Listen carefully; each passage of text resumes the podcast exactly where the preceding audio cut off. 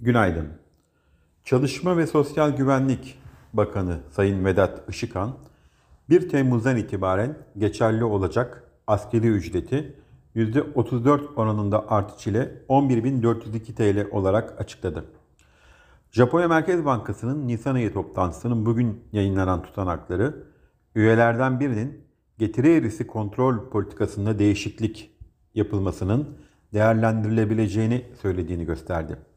FED Başkanı ve Başkan Yardımcısı adayı Philip Jefferson, çarşamba günü Senato Bankacılık Komitesi huzurunda yaptığı konuşmada enflasyonun düşmeye başladığını ancak Fed'in enflasyonu %2 hedefine döndürmeye odaklanmaya devam edeceğini söyledi.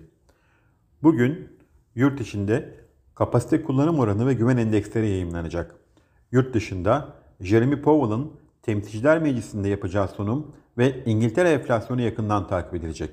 Bu sabah Asya endeksleri karışık bir görünüm sergilerken Amerika'da vadeliler yatay işlem görüyor. Borsa İstanbul'da hafif alıcılı bir başlangıç öngörüyoruz. İyi günler, bereketli kazançlar.